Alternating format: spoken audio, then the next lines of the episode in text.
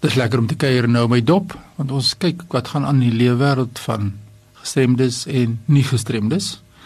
En dit is lekker as luisteraars saamgesels. Inligting vir ons deurstuur of vra.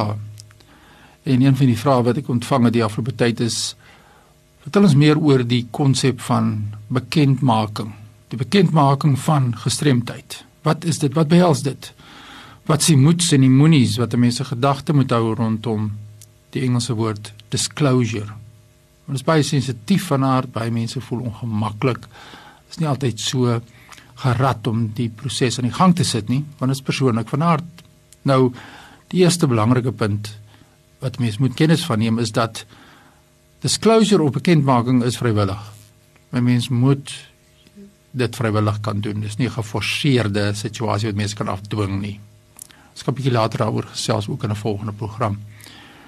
En die Engels sal ek sê I disclose my sensory impairment hearing in the hope that my employer will remove the barriers that prevent me from participating on an equal basis with others.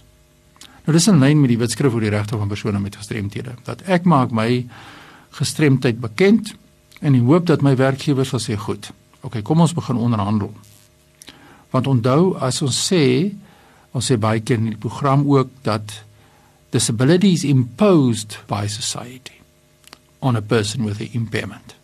Beteken dit van buite word dit afgedruk volgens die wetskrif. Dan kan ons sê die persoon met 'n gestremdheid kan eintlik net sy impairment, net sy verlies kan hy bekend maak. Want nou moet hy begin onderhandel want gestremdheid is wanneer hy in die gemeenskap uitbeweeg, wanneer hy by 'n plek kom wat ontoeganklik is dan word hy gestrem deur ontoeganklike omgewing. Soos ek altyd sê, as ek na 'n kerkerediens luister en daar's klein luidsprekertjies, as 'n gehoorgestremde, kry ek baie swaar om te hoor wat daar aangaan. En dan is die kerk besig om my te strem. So gestremdheid in lyn met die konsep van die wetskrif is disabilities imposed on a person with an impairment. Maar wat ek wel kan doen en moet doen is as ek dan my bestremdheid of my verlies dan bekend maak, dan kan ek begin onderhandel met die werkgewer. En dan kan hy kyk wat kan hy doen om dit vir so moontlik te maak dat ek op 'n gelyke basis kan meeding met enige ander persoon wat nie gestremd is nie. So as jy een van 'n verlies het, dan moet jy vir jouself vrae afvra. Ek doen 'n aansoek vir hierdie werk. Kan ek die minimum vereistes van daai werk doen sonder dat ek ondersteuning en redelike akkommodasie ontvang. En nou moet ek weet waarvoor ek aansoek doen.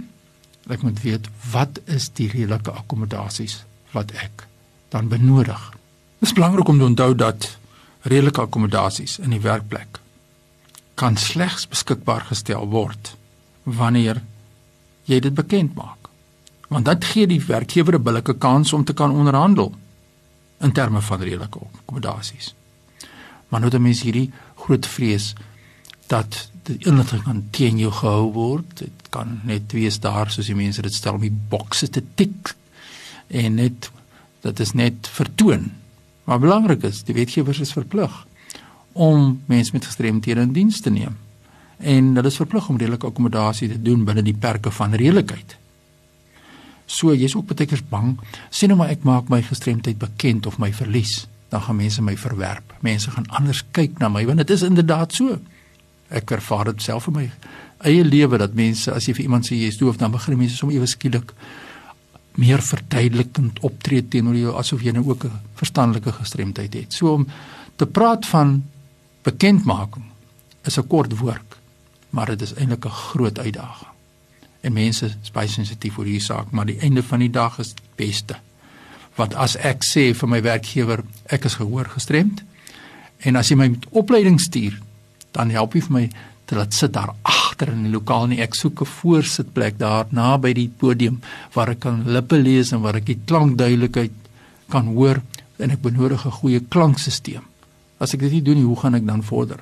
So aan die een kant is dit negatief vir sommige mense, maar dit is uiteindelik 'n baie positiewe aktiwiteit mits dit reg hanteer word. So as jy nou sukkel met redelike akkommodasie en ook veral nou hier, hier vraag oor bekendmaking en wanneer nie en wanneer hoe, dan stuur jy e-pos aan my by fani.dd by mweb.co.za. Ek sal kundige skry om jou te help of ek sal self my inligting wat ek het deurstuur e-pos fani.dd by mweb.co.za.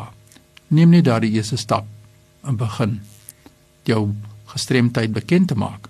Dan gaan mense beter vir jou kan akkommodeer. Groetens tot 'n volgende keer.